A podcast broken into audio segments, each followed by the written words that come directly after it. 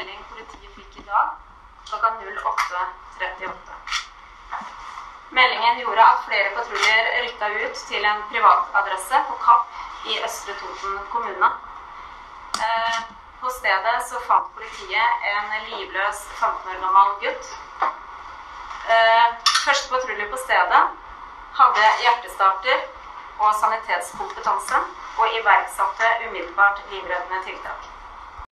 Klippet du nettopp hørte var fra en pressekonferanse på politihuset i Gjøvik 9.10 i fjor. En far er da pågrepet og siktet for drapsforsøk mot sin sønn. 4.11 dør gutten. Siktelsen har da blitt utvidet til å også omfatte seksuelle overgrep mot sønnen og frihetsberøvelse av hans mor. Tirsdag 21. april starter rettssaken. I denne spesialutgaven av OA-podden vil Erik Sønskli og Stina Håkensbakken Roland gå nærmere inn på en av de sakene som preger, og fortsatt preger, både Kapp, Toten og hele Vest-Oppland.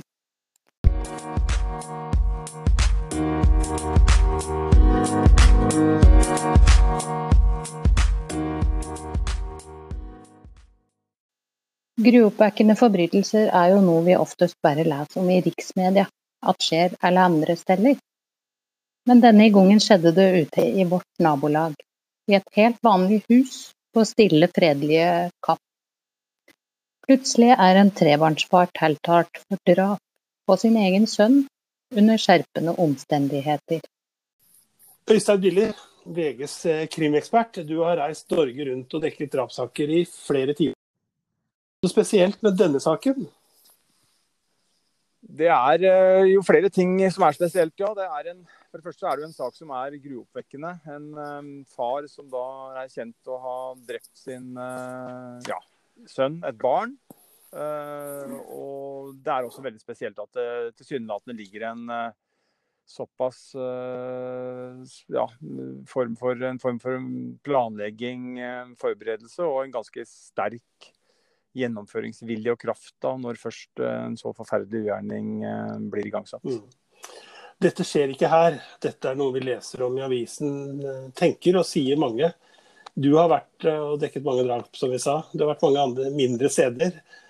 Hva tenker du? Nei, det, det er jo sånn man si, håper og ønsker og tenker og, og tror om sitt eget hjemsted, som kanskje kan være et ganske lite lite sted. Men erfaringa mi er jo at uh, mange av de sakene, og også de store sakene jeg har dekt, har jo skjedd på små steder. Det har skjedd på uh, de stedene hvor ikke sånne ting skal skje. Men, men, det gjør det likevel, og da ryster det jo lokalsamfunnet med voldsom kraft. Og det blir jo både redsel og det blir sterke følelser som kommer i sving. Mm, mm. Hva sier din erfaring om hvem av oss som blir drapsmenn? Ja, Det er ikke noe fasit på. Ehm, det er ikke noe Man kan ikke si at det ikke er kvinner, ikke er menn. At det ikke er velstående, ikke velutdanna, ikke rike, ikke, ikke menn. Eh, altså det, er, det er alle mulige folk i alle samfunnslag. Uh, ja, det er flere menn enn kvinner, men uh, også kvinner kan bli det. Så det er ja, det er, og det er alle aldersgrupper også, så det er, det er ingen det er ingen fasit på det, faktisk. Hva er de sentrale spørsmålene i rettssaken, eh, syns sånn, altså, Strafferettslig sett så er jo dette en sak som uh, har et hovedspørsmål som er avklart. For det er jo ofte er den tiltalte skyldig eller ikke skyldig. Og hvis det er sånn at uh, den tiltalte nekter skyld, så, så er jo mye av uh, bevisførselen ofte knytta til akkurat skyldspørsmålet. I denne saken så er det avklart, og da er det juridisk sett eh, det mest eh, sentrale å få fastsatt en, eh, en straffeutmåling. Og den vil jo her i denne saken ligge høyt, vil jeg tro. Det er, det er en sak som jeg var inne på er planlagt eller forberedt. Og det er jo en voldshandling som et forsvarsløst barn, ungt menneske, utsettes for. Så det, så det, det vil, bli et tema. Og så er det jo også et poeng for, for, retten, men kanskje et vel så stort poeng for, de, for folk flest. Det er jo å finne ut av motivet, altså bakgrunnen. Hvordan noe så forferdelig kunne skje. Og det, det vil man jo søke å få svar på da, i en, en rettssak som, som starter på mandag. Mange sier jo at dette er en personlig tragedie, og det er vi alle enige om. Eh, eh, men hvorfor skal avisene dekke det? Er ikke dette noe politi og domstoler skal finne ut av, og ikke aviser skal grafse i, vil, vil, noen si? Ja, nei, altså Kriminalitet er jo et, eh, er et stort samfunnsproblem. For det første, og for det andre så er det jo et det er jo alvorlige handlinger. Det er handlinger som folk eh, settes i fengsel for. Eh, og det er sånn at kriminalsaker må de må behandles av pressen. Og så tar vi en rekke etiske avveininger, en rekke etiske vurderinger. Jeg tror kanskje mange ville blitt overraska hvis de kom inn i en avisredaksjon og hørte alle de diskusjonene og alle de avveiningene vi gjør i forbindelse med å omtale kriminalsaker. Eh, og så er det jo sånn at Domstolene eh, de eh, har jo et oppdrag på vegne av befolkningen, en tillit som er gitt dem av befolkningen. og For at vi skal kunne ha en tillit og at det skal være en gjennomsiktighet både i forhold til domstoler og politi om at de prosessene som pågår der, og som har selvfølgelig veldig store konsekvenser for den som blir dømt, men som også skal ivareta rettssikkerheten til de som blir utsatt for den mest alvorlige eller for all kriminalitet, men det blir jo enda viktigere for de som utsettes for den, for den eh, mest uh, alvorlige kriminaliteten. Så er det klart det er veldig, veldig viktig at, uh, at man har en åpenhet, og at uh, alle har mulighet til å få et innsyn i de prosessene. Mm. Øystein, vi har jo jobbet sammen for noen, ja, for mange, det begynner å bli mange år siden. Nå er du, ja. du er i VG, jeg er i OA. mange sier at det er en forskjell at vi i lokalavisen skal operere annerledes, være mer forsiktige. Hva tenker du om det? Nei, Det er ikke noen forskjell på den journalistiske standarden eh, og på en måte eh, en måte som lokalavisene skal måtte omtale en, en straffesak på da, i dette tilfellet, eller eh, hvordan riksmediene gjør det. Det som, det som vi som har jobba i lokalaviser vet så inderlig vel, er jo at vi eh, blir sittende i lokalsamfunnet etterpå og må kunne se de vi skriver om, og deres eh, både familie og venner og omgangskrets i øynene etterpå. Eh, så det gjør det jo litt spesielt å være lokalavisjournalist, eh, i motsetning til å jobbe i riksmedier, hvor man kanskje kommer til et sted, gjør en jobb og drar igjen. Mm. Men, men det er ingen, det er ingen altså De lokalavisene har det samme oppdraget, skal ivareta de samme hensynene. De skal kaste offentlighet, bidra til at en sak blir opplyst. Eh, de skal peke på kritikkverdige forhold. De skal, altså du skal få den samme informasjonen eh, om det som skjer rundt deg i samfunnet. Selv om du abonnerer på OA, eller om du abonnerer eller kjøper VG eller Dagbladet eller en annen riksavis. Så det er det er ikke noe, ingenting som tilsier at en lokalavis skal opptre Eh, på en annen, annen, måte. Det er de samme presseetiske reglene som gjelder for, eh, for alle. Mm, mm. Øystein Billi, takk skal du ha for at du var med i OA-podden.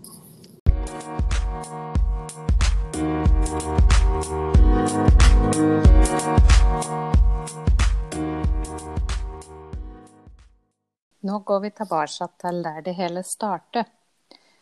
Både politi og forsvarere og bistandsadvokat har vært invitert til å prate i denne OA-podden, men har takket nei. Vi går derfor til OAs egne kilder, eh, der du, reporter Kjetil Lysengen, var på jobb denne oktobermorgenen. Fortell hvordan du opplevde det som skjedde da.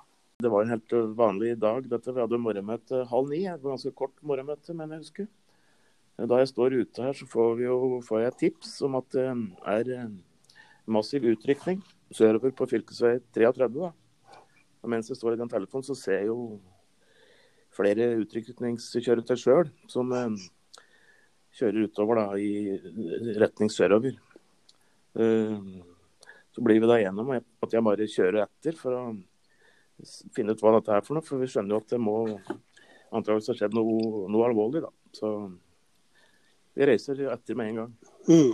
Jeg husker det godt. Det hadde gått et ras i Valdres tidligere på dagen, så det var en hektisk eh, dag for, for OA-desken. Og vi fortsatte å ringe for å finne ut hva som uh, hadde skjedd mens, mens, du kjørte utover. Hva, hva, møtte deg da du kom fram? Ja, når jeg var på tur utover, så ble jeg oppringt av desken, da, som har fått uh, vite da, at det har vært en alvorlig voldshendelse på Kapp. Sånn at jeg bare svingla ned mot Kapp. Jeg er jo oppvokst der, så jeg er ganske godt kjent. Eh, men jeg visste ikke hvor det var igjen. Eh, men jeg ser ganske fort at det blinker opp av Kapp kirke. Eh, og Da kjører jeg opp dit, og på parkeringsplassen der så står det da to politibiler. Som jeg da stopper og tar et bilde av og, sender tilbake til desken. da det er en politimann i den ene bilen da, som eh, ber meg fjerne meg. da. Jeg forklarer at jeg er fra avisa, og så kjører jeg videre da, for å prøve å finne ut hvor dette er. da. Eh, jeg ser at en av de politibilene den er en, eh, det er en hundepatrulje. Så jeg, jeg, tenker kanskje at er, her er det noen som kanskje har, er på rømmen, at de er på jakt etter noen. da. Så det var jo litt, litt dramatisk akkurat i de minutta der. Mm. Så kommer du fram til stedet, da ser du ja. Eh, hvor det har skjedd og at det er mye, mye politi der? Ja, det er like ved, ved kirka der. Og da går jeg så, så nært som det er mulig uh, å gå, egentlig. Og for å bare følge med se hva som skjer.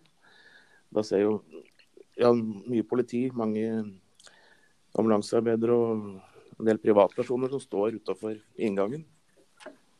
Jeg ser det er én person der som er uh, tydelig preget, som sitter og holder ansiktet i hendene. Eh, får trøst av en politimann der. Eh, på det tidspunktet så får jeg òg eh, bistand av en kollega fra Søsteravisa Toten i dag. Og etter kort tid da, så blir stedet avsperra, så vi må gå utenfor politisperringene. Så da går vi bort til Kapp kirke og, og, står der et lite øyeblikk. Da, for, eller står der for å se hva som skjer videre. Uh, det, plutselig kom vi da i kontakt med en snekker som, som, uh, som da jobber der. og Så viser det seg at han har jo vært på åstedet. Han var en av de første som uh, hørte rop om hjelp fra balkongen. da. Så det viser seg da det var mora som, som ropte om hjelp og han fortalte, fortalte, oss hele historien, da, hva han hadde opplevd, eh, og hva det dreide seg om. Mm. Så vi fikk jo ganske fort en formening om hvor alvorlig dette kunne være. Mm. En dramatisk dag, Kjetil. Hva, hva, sitter mest igjen eh, hos deg fra, fra denne dagen? Nei, det var jo i etterkant, når vi skjønner, når vi skjønner, eh, altså vet hvordan det har gått, så var det jo eh, spesielt å stå og se at 15-åringen, eh, som var alvorlig skadet på det tidspunktet, eller ja, ble ført bort til luftambulansen, som var kommet til stedet. Mm. Og, og, de dro av gårde med han. Vi fikk inntrykk da, for de hadde ikke noe hastverk, ambulansefolka der. Så fikk inntrykk av at det kanskje ikke var så alvorlig, da. Men uh, det viste seg jo at det var. Så, så det var en spesiell dag, ja. Mm. Eh, Marius eh, Stavelid, du jobber kveld denne dagen. Og kom på, på vakt litt utpå dagen. Da var du i kontakt med, med forsvarer. Ja. Hva var det første vi fikk høre fra dem? Eh, med en gang vi fikk tak i siktede sin forsvarer, eh, Håvard Fremstad, så, så, kunne han fortelle at, uh, at uh, den sikta faren hadde erkjent drapsforsøket. og at han ønska å stå til rette for det han hadde gjort. Ja, det var en ganske kort eh, samtale med, med, forsvarer, og han sa vel omtrent han kunne si. Og ja, etter det, det fem timer lange avhøret. Pilsåsen den førte også til nye pressekonferanser, hvor politiet sa litt mer om eh, hvordan de etterforsket saken. Etterforskninga eh, pågår fortsatt, og vi eh, i etterforskningsledelsen har et fokus som hele tida har vært på å etterforske bredt og objektivt. Til tross for at vi på et veldig tidlig tidspunkt i saken fikk det vi kan kalle en veldig detaljert tilståelse fra siktedes side. I dagene som førte etter eh, hendelsen, så så skjedde det mye. Eh, mange var berørt. Eh, kommunen satte krisestab, og det ble holdt åpen kirke og samlinger der folk kunne møtes. Og etter hvert kom det òg en begravelse. Der lot eh, presten oss bli litt bedre kjent med offeret. Hva husker du best fra dekningen, Marius? Det jeg husker absolutt best, er arbeidet i forbindelse med en sak som vi publiserte eh, samme dag, eh, som eh, hvor vi skrev hvordan menneskene som har kjent Oskar André, eh, minnes han. Det var det var voldsomt å gå gjennom hundrevis, tusen eh, minneord eh, skrevet av venner og bekjente, familie, eh, korpsvenner, idrettsvenner. Folk fra alle de forskjellige miljøene, fra skole, alt mulig, eh, som, som, skrev. Var, jeg var jo ved, utenfor kirken, der hvor pressen var blitt anvist plass. Og det var jo rørende og sterkt å se 600 mennesker fra lokalsamfunnet ta farvel med, med en gutt som var, eh, hadde vært aktiv på, på mange forskjellige felt og, og, og hadde mange kjente. Um, så det var, det var, jo veldig, veldig sterkt. Det var jo så mange der. altså De sto utenfor kirken. Mm. Um, og det var, ble sendt da utover kirkegården i, i høyttalere, sånn at alle kunne følge med da presten holdt en veldig gripende gripende eh, eh, holdt gripende ord om, om den drepte. Da. Vi går litt tilbake til, eh, til, den tida etter, eh, i dager som førte etter selve hendelsen. Det gikk veldig mye rykter, både om hva som hadde skjedd, åssen det skjedde, osv. Og, og, og det var, var et stort behov for riktig informasjon, opplevde vi. Og for oss så var det jo det viktig at den informasjonen vi kom med, var uh, korrekt. Og innenfor det hensyn som, som vi skal ta. Samtidig som vi forsøker å få fram de spørsmåla som, som media skal gjøre. Eh, Erik, kan du si litt om, om de diskusjonene vi sto i da? Ja, alt kan jo nesten ikke sies, fordi det er jo mye i en sånn sak som ikke skrives. Eh, og jeg tror folk kanskje kan bli litt overraska over, over eh, hvor mange hensyn som må tas når, når man skal, skal, skrive. Men det er kort sagt. Det ene handler om å rapportere faktisk hva som skjer og har skjedd. Og så det andre er å, å, å stille spørsmålene eller, eller, være til stede uh, i, en prosess.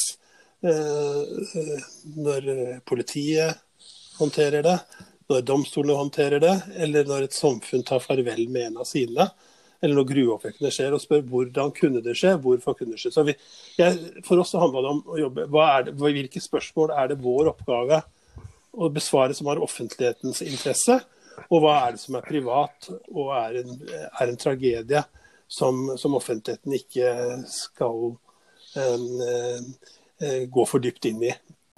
Du var jo inne på det, Kjetil. Du er, du er fra Kapp. Hvordan var det å å dekke en sånn hendelse i hjembygda? Nei, det kom jo litt Det blir litt, litt tettere på da, enn du på en måte er vant til. da. Jeg har jo opp ikke langt unna der det skjedde. og Dette var jo uh, i Kapp kirke, der, der jeg konfirmert og Like ved der. Så uh, jeg prater jo om mange uh, som jeg kjenner på Kapp, som var veldig prega, og fortsatt er det, av det, som skjedde der. Det er liksom dette er jo sånn som man ikke tror skal skje på et sånn, en liten idyllisk plass som Kapp. Men uh, det gjorde det jo, så og Det er vel mange som gruer seg til, til rettssaken som nå starter til, til uka. Der, uh, kanskje, noen, kanskje, vi får noe mer svar der, det er ikke, det er ikke godt å si.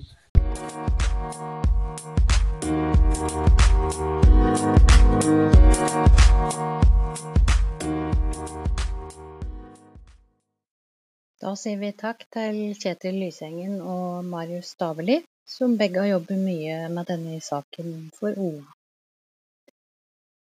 En slik hendelse setter på prøve flere deler av et lokalsamfunn og ramma rundt det. Østre Toten var Bror Helgestad bare dager fra å innta ordførerkontoret, da kommunen og støtteapparatet ble satt i en beredskapssituasjon. Det som var da, var at jeg satt i formannskapsmøte som observatør, for da var det Vikut jeg skulle bli ordfører. Så jeg tenkte at det var lurt å være på et formannskapsmøte og se hva som skjedde der. Og da begynte vi der klokka ni om morgenen, og da tikket det inn noen meldinger om at det hadde skjedd noe i Kapp. Så da var, det, da var det aller første jeg fikk høre om den saken. Også utover i formannskapsmøtet så ble jo både rådmannen og ordføreren ganske opptatt og måtte begynne med noen andre ting. Så, så da skjønte vi at det hadde skjedd en alvorlig hendelse på Kapp. Videre da utover dagen, når alvoret i det som hadde skjedd på Kapp begynner å åpenbare seg, hva slags tanker var det du sjøl gjorde deg opp da om at dette hadde skjedd her? Nei, det hørtes jo da ut Nå fikk vi ikke alle nyheten med det samme, selvsagt, men det hørtes ut som en veldig trist og sjokkerende hendelse. Som det ble bekreftet senere i uka at det faktisk var. Så det var jo sjokk og vantro og tristhet som preger den dagen, ja. Hva er det kommunen gjør da, når, når en slik hendelse finner sted i, i kommunen? Da ble det satt kriseteam, sånn at Sånn at de nærmeste og de som ikke er fullt så nærme, kan få hjelp oppi en sånn en sjokkerende hendelse. Hvilke type personer slik er det som orienteres da? Nei, da er det mye helsepersonell som tar seg av både kroppslige og psykologiske traumer. Mest psykologiske da, for de som var rundt, selvsagt, i dette, dette tilfellet. Og så er det psykologer og Presten var inne i bildet, selv om han ikke direkte er i kriseteamet. Og det er en politikontakt som var med der, og, og, personell som har kompetanse til å ta seg av folk som har vært utsatt for uh, vanskelige ting. Og, mm. Hva tenkte du sjøl midt oppi dette? Dette var jo store uker på, på mange andre plan for deg. Som sagt, uh, bli ordfører og alt. Åssen var det i dag? Hva slags tanker var det du sjøl gikk og bar på? Nei, det var jo en tristhet og, et sjokk som jeg var inne på i stad, over hva som hadde skjedd. Og tanken min gikk jo til de nærmeste, og da jeg opplevde at tanken for, gikk til de nærmeste der blant alle folk i Østre Toten. Og etter ei ukes tid så ble jeg ordfører og fikk litt henvendelser fra media om uh, hva vi gjorde og hva vi tenkte rundt dette her. Så, så det var jo en uh, annen side ved saken. Men jeg opplevde en veldig varme i lokalsamfunnet for å ta vare på folk som eh, var involvert på, eller annen, på et eller annet nivå i denne saken. Mm. Nå når saken skal opp igjen, nå skal den eh, i retten eh, kommende uke, og gjør det opp noen tanker da om, om hvordan det kommer til å påvirke For nå får vi det på en måte opp igjen en tur til. Ja, vi får det litt opp igjen en tur til, for uh, sakens realiteter skal for dagen. og, og det skal opp i en rettssak, som du sier. Og da er det jo viktig å ta vare på dem som eh, kan få det opp igjen på en eh, måte som er krevende for den enkelte. Så da må vi være klare til å bistå der det er nødvendig, og tenke på den eh, litt på samme måten som vi gjorde da det hendte. Men det er klart at nå går det jo roligere for seg, og folk vet litt hva som skjer. Men det kan bli vanskelig for noen å tenke på dette her rett og slett. Mm. Det, hva tenker du da om, om dekninga av det, og, og, nettopp ja, sånn som Nå sitter jo vi og prater om det, dette skal ut til folk. Er det Jeg tenker at det, saken må jo dekkes, og folk må få vite hva som skjedde. Det er jo en offentlig rettssak. så så det er jo bare sånn det er, da. Og så får vi prøve å takle det som, som, best vi kan og hjelpe den og støtte den eh, oppi den i saken. Men uh, det er jo naturlig at en rettssak følger etter en uh, sånn hendelse. Det er bare sånn vi har det i et sivilisert samfunn, det. Mm. Og da skal dette kapitlet lukkes? Da håper vi at uh, dette kapitlet kan lukkes, ja. Det, det er å håpe, det. Tirsdag 21.2 så starter rettssaken mot den tiltalte faren i Gjøvik tingrett. OA-podden spesial kommer tilbake med mer om saken. Denne utgaven var laget av Stina Håkonsbakken Roland, Henning Rå Fosslien og Erik Sønsterli.